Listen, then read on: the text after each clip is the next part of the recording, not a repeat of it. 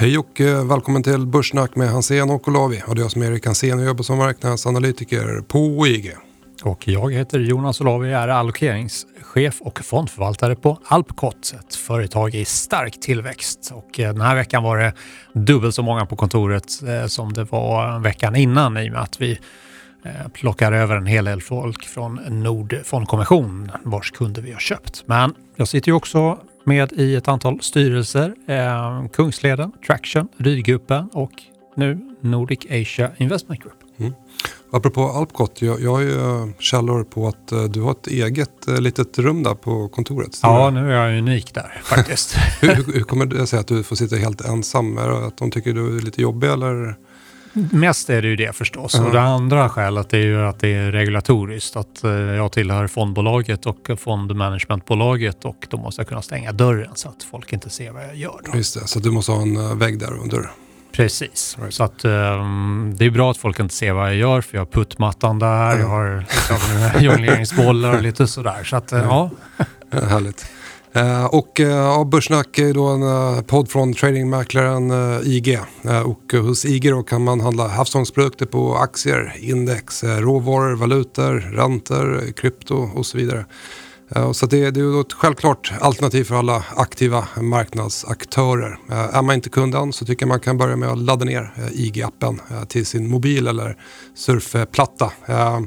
Följ också IG Sverige på Twitter, eh, Instagram, eh, subscriba på, på YouTube-kanalen där vi lägger upp eh, podden och mycket annat material. Då. glöm inte att all handel innebär såklart risk. Jonas Jonas ingen gäst med oss den här veckan heller. Nej.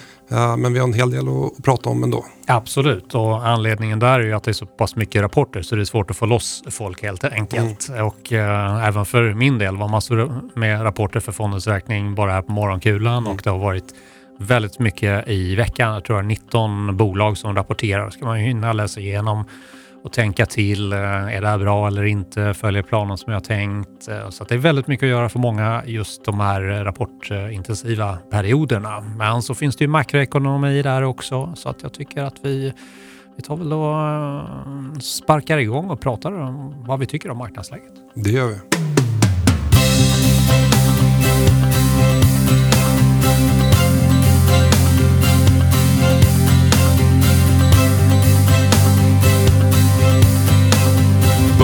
Snack med Hansen och Olavi. Och efter starka börsuppgångar här under oktober så har vi fått en liten paus i risktillgångar såsom börsen och eh, bitcoin. Eh, Medan obligationer har återhämtat sig här senaste eh, dagarna. Eh, eh, och jag skrev i morgonrapporten där i, i måndags att eh, börsen var lite kortsiktigt överköpt. Eh, och att det inte var någon eh, eh, bra idé att kanske då jaga börsen på uppsidan. ibland ska man gasa, ibland ska man bromsa lite grann. Och vi kan väl ändå säga att vi, vi gasade där i slutet på september och i början på oktober. Nu bromsar jag i alla fall lite grann. Jag vet inte vad du känner.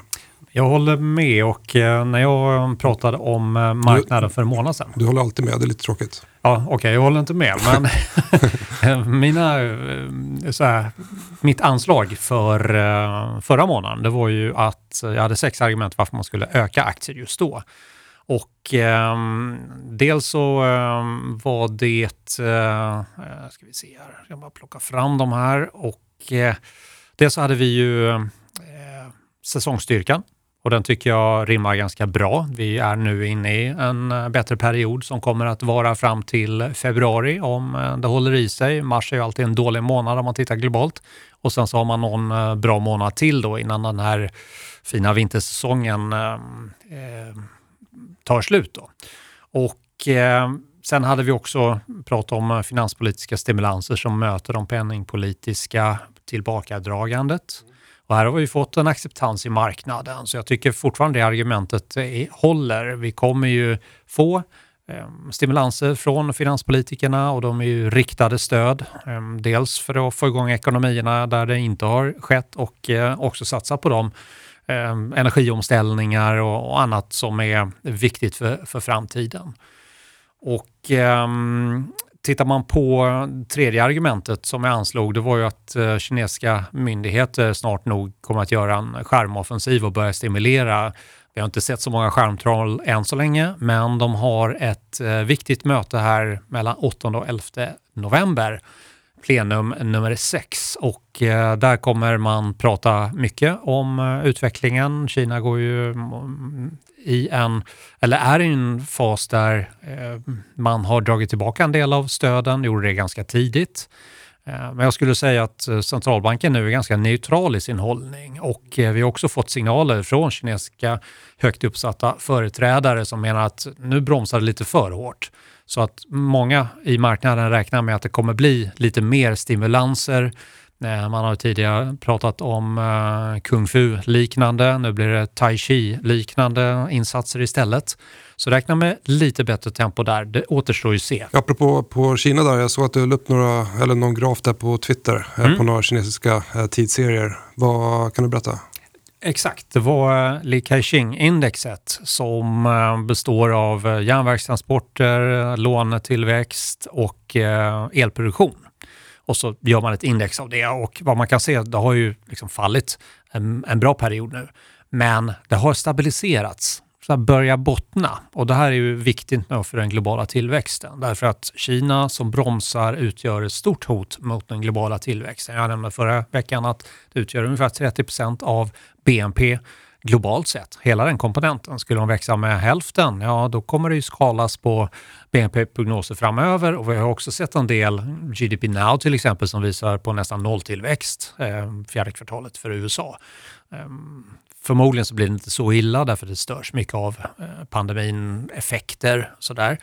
Men eh, helt klart så är det en inbromsning så att de måste få igång hjulen helt enkelt. Men den här inbromsningen det har ändå varit ett narrativ i marknaden sedan eh, egentligen våras, somras när vi såg peak growth. Så det är ingenting nytt för, för marknaden i sig utan precis som, som du kikade på det där indexet från, från Kina. Det, det, är den typen av data som man vill studera. Ja. Kanske mer än GDP Now från Atlanta Fed. Absolut. Som visar hur ekonomin är idag. Ja. Marknaden är framåtblickande. Mm.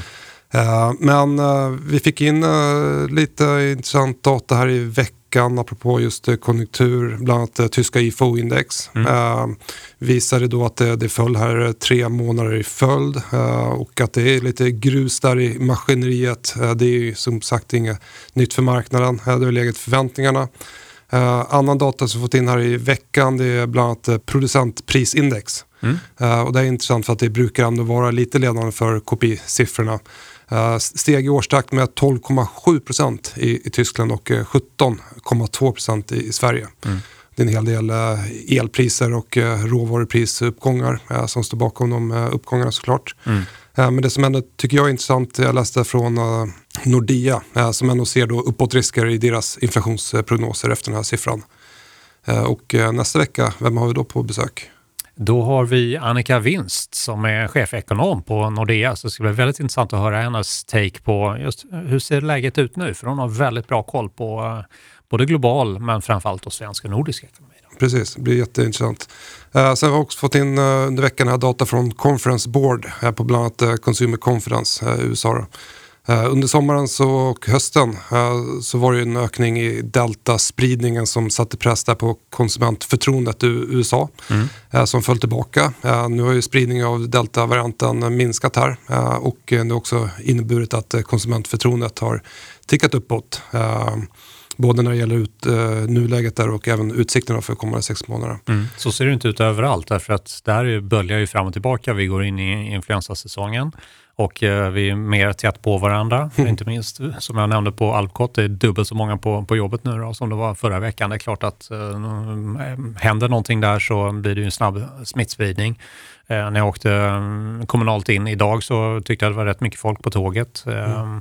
Så att eh, vi ska vara lite försiktiga med att dra för långtgående mm, slutsatser. Men i många ekonomier håller jag med om, där har man öppnat upp då och det är positivt. Men vi ska hålla lite koll på just den här eh, vintersäsongen. För det kan ju innebära, som till exempel i Ryssland som stänger hela Moskva, där får man inte gå ut om det inte är super, super viktigt. Och flera delar i landet eh, också hård nedstängning då. Ehm, så att, eh, ja, det är mycket som böljar fram och tillbaka då ett av de andra argumenten, det här var ju bland annat då ett argument att man höll på att öppna eh, mm. ekonomin. Alltså man tyckte att eh, det var gott nog för att ändå ha en liten positiv stans till aktier. Det andra var ju inflationstemat. Eh, det berör ju lite grann eh, här i, i det initiala eh, argumentationen. Och jag menar på att de här inflationsuppgångarna de kommer bedarra i, i styrka och vi ser lite grann tecken på det nu. Vi ser fraktrater kommer ner lite grann, elpriser kommer ner lite grann. Mm, det mm. finns lite signalvärde i att det inte är, man ska extrapolera de här siffrorna framöver. Vi kommer säkert ha liksom, hård data, inflationsdata mm. som kommer hög, men vi måste titta lite längre fram där. Och ett intressant exempel um, var att det är svårt att se Mm, att vi kan trycka igenom så pass mycket eh, inflation. PPI-siffrorna var höga och bolagen säger att det är hur lätt som helst att bara höja priserna. Alla accepterar det. De få som eh, inte har hunnit göra det säger att ja, men det kommer komma Q1 för det är olika avtal, avtalslängder. Men de flesta har ju sagt att det är bara att höja priserna, alla tar emot det. Då. Men ett konkret exempel, då, ett av mina portföljbolag, DSV, den här danska logistik och transportjätten, de eh, hade nu fått från eh, fraktfartygsägare bland annat då, eh, inte ultimatum, men en ganska mm, tydlig fråga att vi vill att ni tecknar treårsavtal nu. Och då menar DSV, som ju har massa kunder som använder dem som speditionsfirma, deras kunder vill ju inte teckna treårsavtal. Vem vet vad marknaden för deras produkter är om tre år? Det är helt ohållbart. De menar på att det kommer aldrig funka. Och då, någonstans där så tar ju den här inflationsuppgången eh, slut, så att säga. Och det är det jag menar i det här att först avtar kraften och sen så får vi se den här typen av konkreta exempel. Nej, det går inte att höja priserna något mer. Vilket ju till exempel att låsa in i tre års eh, transportavtal är definitivt ett sådant dåligt eh, val och skulle ju drabba DSV väldigt negativt då. Eh, tittar man vidare då på eh, rapporterna, rapportsäsongen som också hade som argument att börsen ställer upp inför rapporterna. Tada, det gjorde den. Och sen blir det mer sidledes. Så jag är inne på ditt spår där att um, det var ett bra läge, nu är inte läge att trycka på gasen. Man kanske kan ligga kvar mm, i sin hastighet. Men jag tycker inte man ska öka risken på de här nivåerna. Och det gör jag inte heller, utan i min allokering som um, jag sitter och petar på nu så kommer jag ha kvar en eh, övervikt på aktier, men jag kommer inte göra någonting mer där och väldigt små andra eh, justeringar i mina eh, olika eh, här, rekommendationer och faktiska konkreta köp och sälj som jag gör den diskretionära förvaltningen. Just det. Och eh, jag har ju då eh, lite indikatorer för 3 till 6 månaders sikt för att få en eh, ja. övergripande vy. Eh, och eh, de här visar också i mitt eh, veckobrev som man kan prenumerera på helt gratis.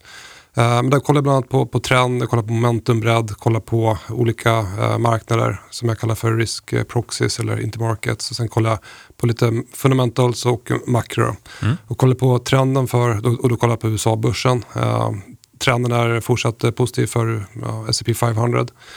Eh, det är eh, inte så långt avstånd från eh, senaste 52 veckors högsta, vilket är positivt. Och det har inte gått så lång tid heller från senaste 52 veckors högsta. Mm. Oftast brukar det vara så att ju längre tid det har gått från senaste 52 veckors högsta, desto högre sannolikhet för en, en större korrektion. Då. Sen kolla på momentumbredd.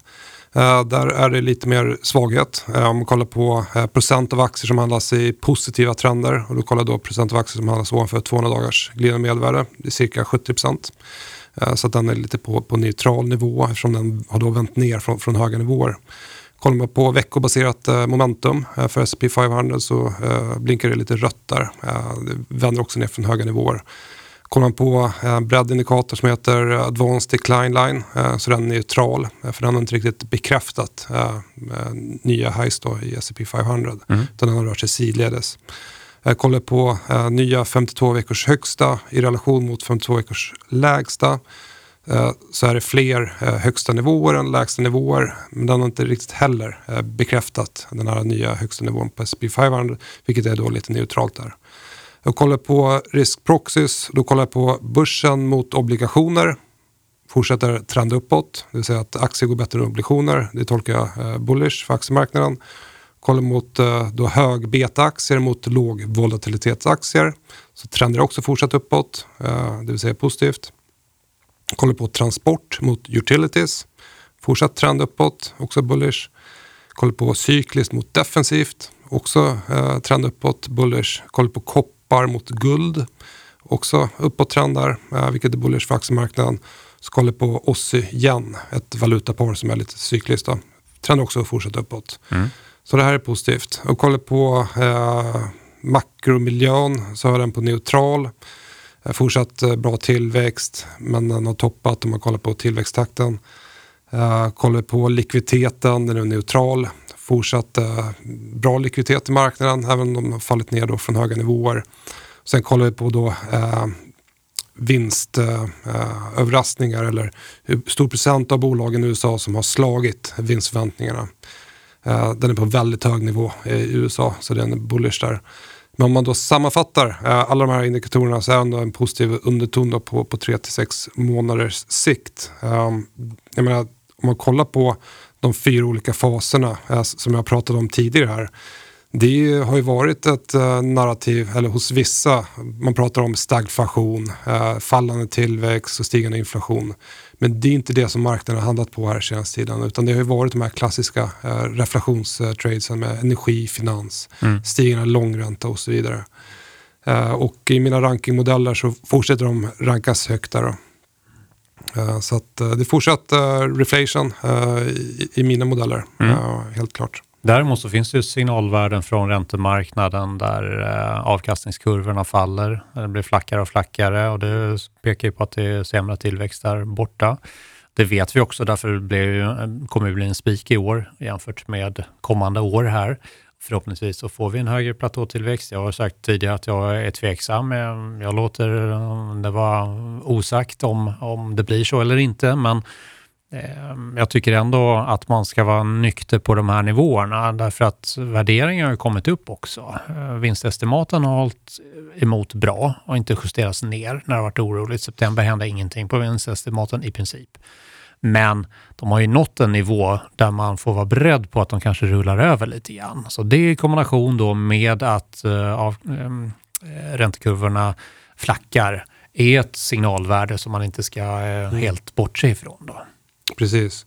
Och eh, jag kommer ju få eh, vägledning och signaler från marknaden när jag ser till exempel att de här mer defensiva eh, marknaderna börjar prestera. Mm. Guldpriset, silver, Uh, om man kollar på defensiva sektorer uh, som uh, defensives, consumer staples och så vidare. Mm. När de börjar visa styrka, det är då jag får lite mer tecken på att vi kanske då går in i fas 3 från ja. fas 2. och det, det, kommer då vara en signal om lite svagare aktiemarknad. Mm. Men jag ser inte de signalerna just idag. Då. Men det kan ju såklart snabbt förändras. Mm. Då kommer jag också förändra min ståndpunkt. Mm. Jag tänker mycket på um, det här med stilar, vad ska man äga i olika scenarier och när jag tittar på utvecklingen i år så tittar jag på globala eh, stilindex. Då är det bara ett som avviker. I övrigt så har de gått nästan exakt lika mycket upp i år. Och du var inne på det, eh, du hade en trend där du kvotade mm. eh, hög volla mot låg volla. Och högvolatilitetsaktier är de som har gått bäst i år medan låg volatilitet såklart har gått sämre under en sån här period. Och det är det som sticker ut. Annars så finns det ingen skillnad om vi tittar fram till idag från början av årsskiftet. Det har varit lite divergenser under året. Men jag tänker att många är så tvärsäkra på att ja, nu ska man köpa cykliskt, nu ska man köpa ditt eller datt. Jag tycker man ska fokusera på eh, att köpa bra bolag. Och jag har ju min vaskningsmaskin då, momentumsnurran som ligger och rullar.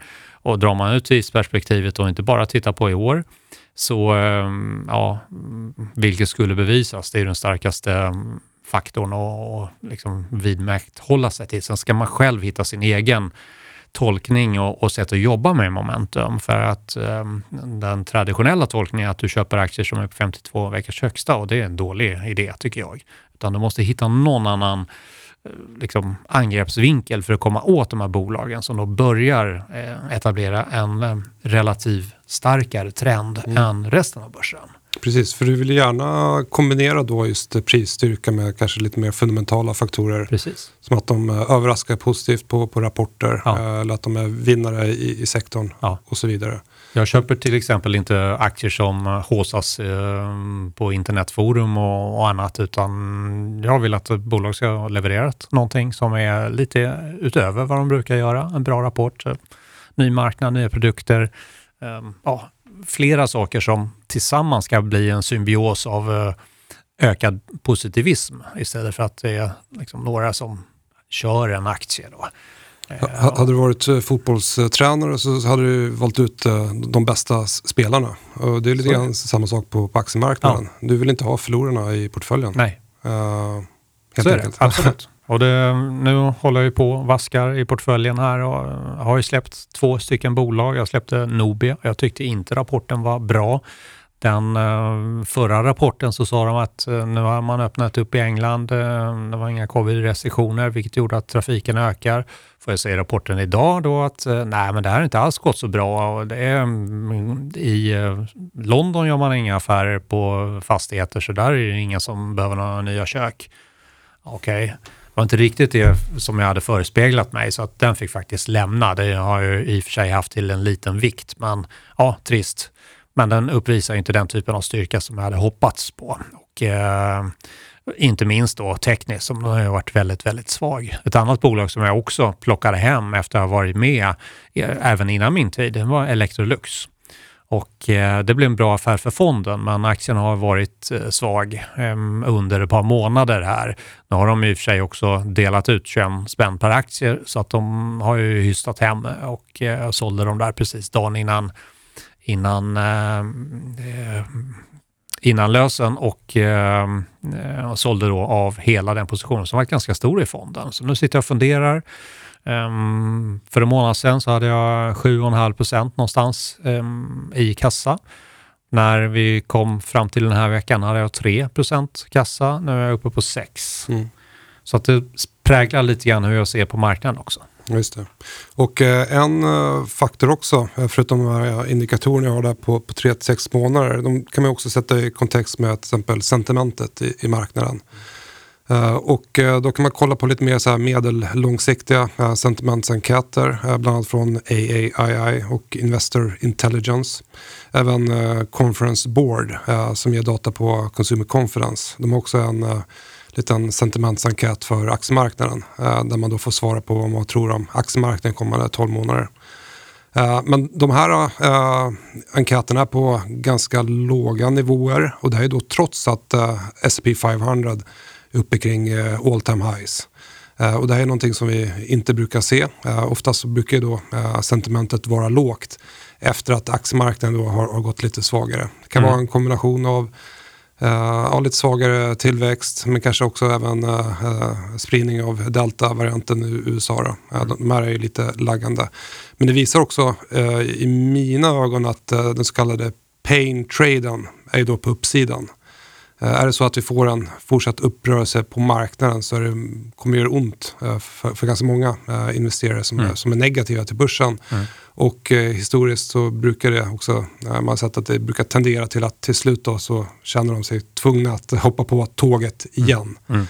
Eh, vilket då ger ytterligare stöd till eh, humöret på, på marknaden. Då. Mm. Jag tycker att put call ratio är bättre än AAI-indikatorn mm. för att den är laggande. Um, däremot optionsmarknaden, det är nu nu. Um, och vad vi kan se där när jag tittar på den uh, stapeln Eh, så håller de på att vända upp här då. Det vill säga att fler puts kontra calls då. Man börjar bli lite mer orolig för marknaden. Det. Och det tycker jag man ska ta um, i akt på. Inte jaga de där sista. Köp bra rapporter, köp mm. bra bolag. Uh, men som sagt, man ska ha lite beredskap. Tycker mm. jag i alla fall. Och det är så jag agerar i uh, Alpcot Equities. Jag brukar köra ett 10 dagars genomsnitt på put call ratio. Ja. Ett, ett, tips. För mm. att uh, jämna ut den lite grann. Ja, men det är bra. För den kan vara lite... Den är rätt hackig. Rätt hackig. är väldigt uh, volatil. Uh, kan vara jättebra för, för kort sikt. Men om man är lite mer uh, liksom swing trading perspektiv, veckor, månader så, där, så, så kan man jämna ut den lite grann med ett genomsnitt. Mm. Jag satt och tittade på en uh, aktie som vi har pratat om lite fram och tillbaka i podden och uh, vi har alltid tyckt att den har varit dyr men aktien har gått starkt och uh, ja, det är Tesla då. Mm -hmm. Då finns det en analytiker som har lagt in estimat till 2040. Och eh, om vi tar eh, vad de har för P tal 2040. Vad tror du att P talet är? Och då ska jag berätta att eh, nu har de ett P tal på årets vinst på 179,8. Det sjunker kraftigt till 129 nästa år och 97 2023. Nu blickar vi 2040. Vad är P-talet då? 2040? Um, det är väl kanske jättelågt. Fyra. Fyra. Ja. Ja, så kan det gå. Jag vet inte vem det är, men någon har lagt in estimat så pass långt. Det är väl för att få lite uppmärksamhet då. Eh, det kanske är eh, sånt P-tal det ska vara. Om man tittar på andra framgångsrika bolag under IT-eran som var jätteframgångsrika eh, kring millenniumskiftet och handlas på P-tal på 60, 70 och så vidare. De handlas på väldigt, väldigt låga multiplar. De har ju blivit så gigantiska de här stora bolagen då. Så att eh, why not? Marknaden för elfordon kommer ju vara väldigt mogen 2040. Det kommer ju finnas väldigt många spelare där. Vi har ju Polestar nu, till exempel i, i Sverige då, man får säga som så. Eh, och många andra som kommer flytta fram sina positioner. Så att eh, jag tror att man ska nog fundera på att ja, nu är det liksom good times för Tesla. De har produkter som efterfrågas, men det kommer komma jättemycket mm, bra alternativ också till andra prislappar och eh, en del kanske upplevs som coolare eller tryggare eller vad det nu är för någonting som säljer då. Ja, jag, jag har blivit eh, kanske lite mer eh, långsiktig ju äldre jag har blivit, men jag, jag handlar inte på 2040. Nej, Nej men okej. Okay. inte än. Jag tror inte du ska göra heller, men det är ändå roligt att någon har ja, gjort en sån där lång snurra. Då. Ja. Rapportperioden då, ja. vad tycker du generellt? Har det varit bättre eller sämre i förhållande till vad du har känt inför den här Nej, men jag, jag, var lite orolig där i början på förra veckan. Det var inte så många aktier som, som steg på rapporterna. Men nu har det blivit betydligt mycket bättre. Mm. Så det ligger ungefär i, med, med genomsnittet uh, senaste, senaste året. Mm. Uh, men uh, det gäller verkligen att ändå visa uh, starka siffror och bra framtidsutsikter för att marknaden ska handla upp aktierna. Man kollar på Evolution som ett exempel, kommer med en dunderrapport. Mm. Men, men aktien faller mm. trots det. Då. Det räcker inte med att försäljningen är upp 97 That's good, not good enough. Exakt. Men tittar man på USA kontra Sverige så har vi fått betydligt bättre genomslag på Eh, de är bättre på att guida för det första och eh, de är bättre på att slå de här guidningarna. Och tittar man på genomsnittet så har man slagit vinsten med 11 procent. Ehm, och då tittar jag på hela breda börsen då. Och, ehm, USA? I USA. Ja. Och försäljningen med 1,5 procent ungefär. Tittar vi på Sverige så är det ganska jämnt skägg. Sammantaget 4 procent på vinst har man slagit på aggregatet. Och försäljningen har man faktiskt inte lyckats slå förväntningar utan en, en procent minus. Då. Är det någon Bloomberg-data där? Eller? Ja, ja, exakt. För jag har liknande data, eh, men då måste jag rensa för vissa bolag, eh, investmentbolag till exempel. Så jag kanske har lite annorlunda siffror, men ja, det är intressant. Och, och vad tar du för, eh, vad tar du med dig därifrån? Vad, hur tolkar du det? Att här har det varit svårare att slå förväntningarna. USA, det är ju som det är. De guidar ganska explicit. Vad tror vi om det här kvartalet som vi nu är inne i? Och då är det ganska lätt som analytiker att ställa prognoserna. Så att man ligger ju oftast inte jättelångt ifrån. Så att kollektivet ligger väldigt mycket tajtare då än vad man gör i Sverige. Där kan man ha ganska stor skillnad på betydligt färre analytiker förstås också. Så att det slår ju mycket, mycket mer då. Eh, men jag tycker ändå i eh, Alpcot Equities um, så har väl mer än hälften av bolagen rapporterat och jag tycker generellt sett att det har varit bra um, rapporter. Började till exempel med Goldman Sachs som ju gjorde en riktigt bra rapport. Um, och faktiskt så har man nu på nio månader um, tjänat så pass mycket pengar som man någonsin har gjort för ett enskilt år. Då är det fortfarande ett kvartal kvar. Mm. Och eh, här fick de ju såklart eh, analytikerna med sig. Man höjde estimat, man höjde kurserna, aktien var stark. Den är ju relativt sett dyr, men eh, inte i jämförelse med de andra amerikanska investmentbankerna. Om vi tar en bank som är betydligt billigare så kom eh, schweiziska UBS med sin rapport och eh, var också bättre än väntat. De handlas på eh, kring eh, bokvärdet, ehm, så ungefär på ett och eh, det är en väsentlig rabatt jämfört med mm, liksom, de, Morgan Stanley är väl det som är närmaste bolaget. Men vad man har gjort är man har skalat på kostnaderna, man har ehm, eh, satsat på fler marknader, man kommer satsa rätt offensivt på en digital wealth management-plattform, eh, utbyggnad i USA som är en av deras egentliga hemmamarknader kan man säga. Och Asien som också växer väldigt starkt för UBS. Så att, eh, det är också en aktie som jag har i, eh, i portföljen här. Vi hade Husqvarna som ju faktiskt, eh, trots att den såg väldigt såsig ut ett tag, eh, lämnade en riktigt bra mm, rapport. Verkligen. Eh, de pekar ju på lite störningar framöver och det är ju Briggs Stratton som gör motorer till deras åkgräsklippare. De vill inte leverera för, för de har inte tillräckligt med prylar och då har Husqvarna stämt de här Briggs Stratton. Så vi får se vad det utgör um, och kan påverka. Jag räknar med att om det blir en stämning och det faller till bolagets favör så får de in lite pengar men då har de inte kunnat leverera de här åkgräsklipparna ändå. Mm. Eller så får uh, det här leveransbolaget, motorbolaget, se till att prioritera Husqvarna istället för att komma ur den här stämningen. Då. Men det är någonting som kan påverka försäljningen under den viktiga försäsongen för nu funderar ju um, handlarna vad de ska ha för antal Eh, klippare i, sina butiker när, när våren kommer nästa gång. Då. Just det. Eh, jag var med i en eh, artikel i Dagens Industri mm. om just rapportreaktioner. Mm. Även Oskar Ekman från Penser Bank ja, var med i den ja. artikeln. Och han lyfte fa- faktiskt upp just Husqvarna ja. tillsammans med Intrum, SSAB och Epiroc. Mm. Som han såg som starka rapporter där. Steg också på, på just rapportdagen. Just det, absolut. Ehm, sen har det generellt sett varit ganska starkt från mina halvledarbolag. ASML de nådde inte riktigt upp till marknadens förväntningar men det känns som, ja, spelar roll. De kommer sälja sina stora eh, produkter, 55 stycken av sina 170 ton tunga eh, maskiner ska de sälja. Nästa år det kommer de lätt göra. Och då får de inte handla till Kina, eller sälja till Kina, har amerikanerna bestämt. Det låter som confirmation bias där. Ja, men det är, det är världens bästa system där. Gör uh, chip ner på tre uh, nanometer. Det, mm. det går, idag finns det inte mindre. Så de är så marknadsledande. Så finns det ett annat bolag, ett franskt sådant som heter Soytech, som jag har pratat om tidigare och också en väldigt bra eh, rapport där bland annat 5G telefoner eh, säljs som smör och eh, där använder man mycket av deras eh, produkter för.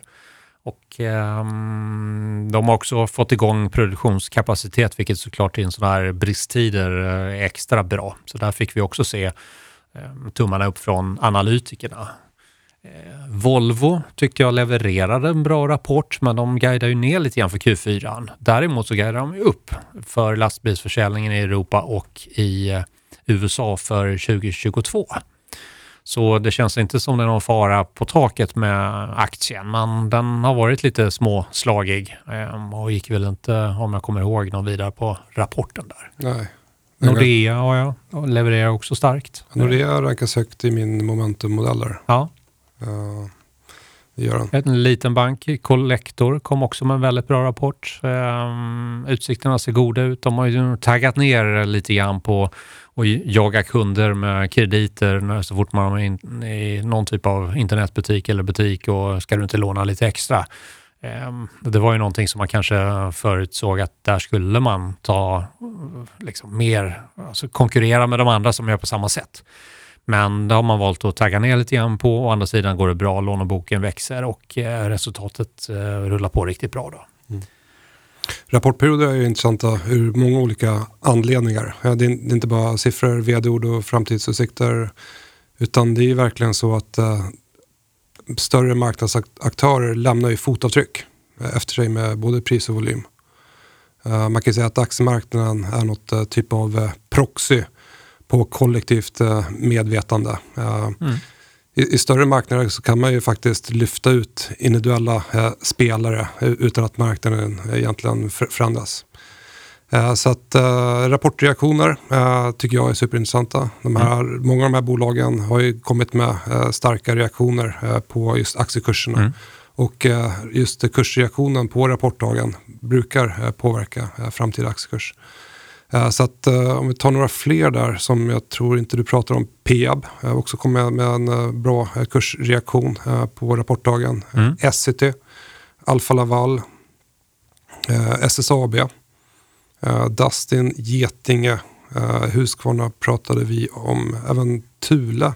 Mm. Eh, som vi pratade om en hel del i podden. Eh, sen har vi också Haldex, eh, Duni eh, som har kommit här med bra rapportreaktioner. Mm. Eh, så det här är då, eh, det fanns då en artikel där i Dagens Industri som jag och Oskar Ekman, eh, där vi pratade lite grann om just det här. Eh, och han menar på att man kan bygga eh, portföljer baserat eh, på rapportreaktioner. Mm. Rent statistiskt så har man en edge på det. Absolut, det tycker jag är helt rätt. Och ja, nej men som sagt, det har varit en, i alla fall för Upcot Equities, en bra rapportperiod. Mm. Övervägande har eh, varit bra. Eh, De som inte riktigt når fram och har ut, fortsatta utmaningar åker ut och då letar jag nya case. Det finns hur mycket spännande bolag som helst eh, där ute. Så att eh, den kommer att fortsätta omdanas den här fonden som nu ligger och fightas om första och andra platsen i sin kategori på eh, Morningstar. Eh, som ju såklart är kul då. En eh, aktie som jag kan nämna som amerikansk då, som lämnar Mm. avtryck, var Microsoft som ju var väldigt bra i förhållande till marknadens förväntningar. Och eh, där är det en sak som man ska titta på framöver som gör att jag funderar lite grann kring det på en väldigt stark aktie. Det är ju mm, LinkedIn. De har ju 800 miljoner användare, växt, växte med 42 procent och har nu en årstaktande försäljning på 10 miljarder dollar. Så det är ju högsta någonsin då. Men i Kina har man ju slagit ner på det här med de sociala nätverken och eh, verkar som man, man skalar ner där. Mm. Och det, den kinesiska marknaden är ungefär en tredjedel av LinkedIn. Och jag har sett en del i flödet eh, kineser som, som jag eh, har kontakt med och eh, känner som då hoppar över på andra plattformar, WeChat och så vidare. Eh, vi får se vad det kommer för eh, starka kandidater i Kina, för det är klart att det finns ju LinkedIn-liknande eh, produkter där också. Så här ska man ha lite koll på hur mycket det kan påverka. Övrig verksamhet eh, rullar ju på riktigt bra. Det här är ju en av vinnarna. Det är ju, de är jättestora, näst störst på molntjänstmarknaden. 20% av marknaden har de. Eh, och det är klart att de har ju gynnats på många olika sätt under pandemin då. Men det verkar de fortsätta göra. Och bol- bolag som också har gynnats av pandemin, det är mäklarfirmor. Ja, absolut. Eh, Men du har också sett nu senaste tiden att det har varit lite svagare aktivitet. Så bland annat en rapport här från Robinhood, Ja, äh, mäklarfirman, eh, som eh, visar lite svagare aktiviteter. Och det är på grund av att kanske att många är tillbaka till, till jobbet och eh, kanske på kontoret Mm. och inte kan sitta hemma, eh, trada, eh, spela spel Mm. och så vidare i lika stor utsträckning som, som tidigare. mm. ja, det har vi sett. Spelanvändandet har gått ner lite grann med Precis. anledning av det här. Så det ska man ju vara beredd på när man tittar framåt. Ja, ehm, jag tänkte snart springa iväg och läsa rapporter. Eh, Vi kanske ska runda av där. Eller hade du någonting mer? Nej, ingenting mer från, från min sida heller. Jag tycker att eh, nästa vecka, då har vi en superspännande gäst med oss. Mm. Vem var det? Annika Winst från Nordea, där hon är chefekonom och eh, hon och jag har pluggat i Lund eh, under några år tillsammans också. Så att det är kul att se henne. Hon är, hon är eh, väldigt mm, bra på att förklara hur orsakssamband eh, hänger ihop och Nordea är den största banken i Norden så att eh, man får en väldigt bra överblick när man sitter som analytiker där. För man har ju kunder i alla hörn i Norden. Så det blir väldigt spännande. Så där tar vi gärna emot frågor också om man vill ställa några till Annika så tar vi det med oss. Mm, misstänker att det blir en del prat om inflation. Hoppas det. Hoppas det. Med de orden tycker jag vi rundar av. Bolag som nämns här eller fonder, inga rekommendationer, det är observationer. Ta hand om er och ha en trevlig helg. Trevlig helg.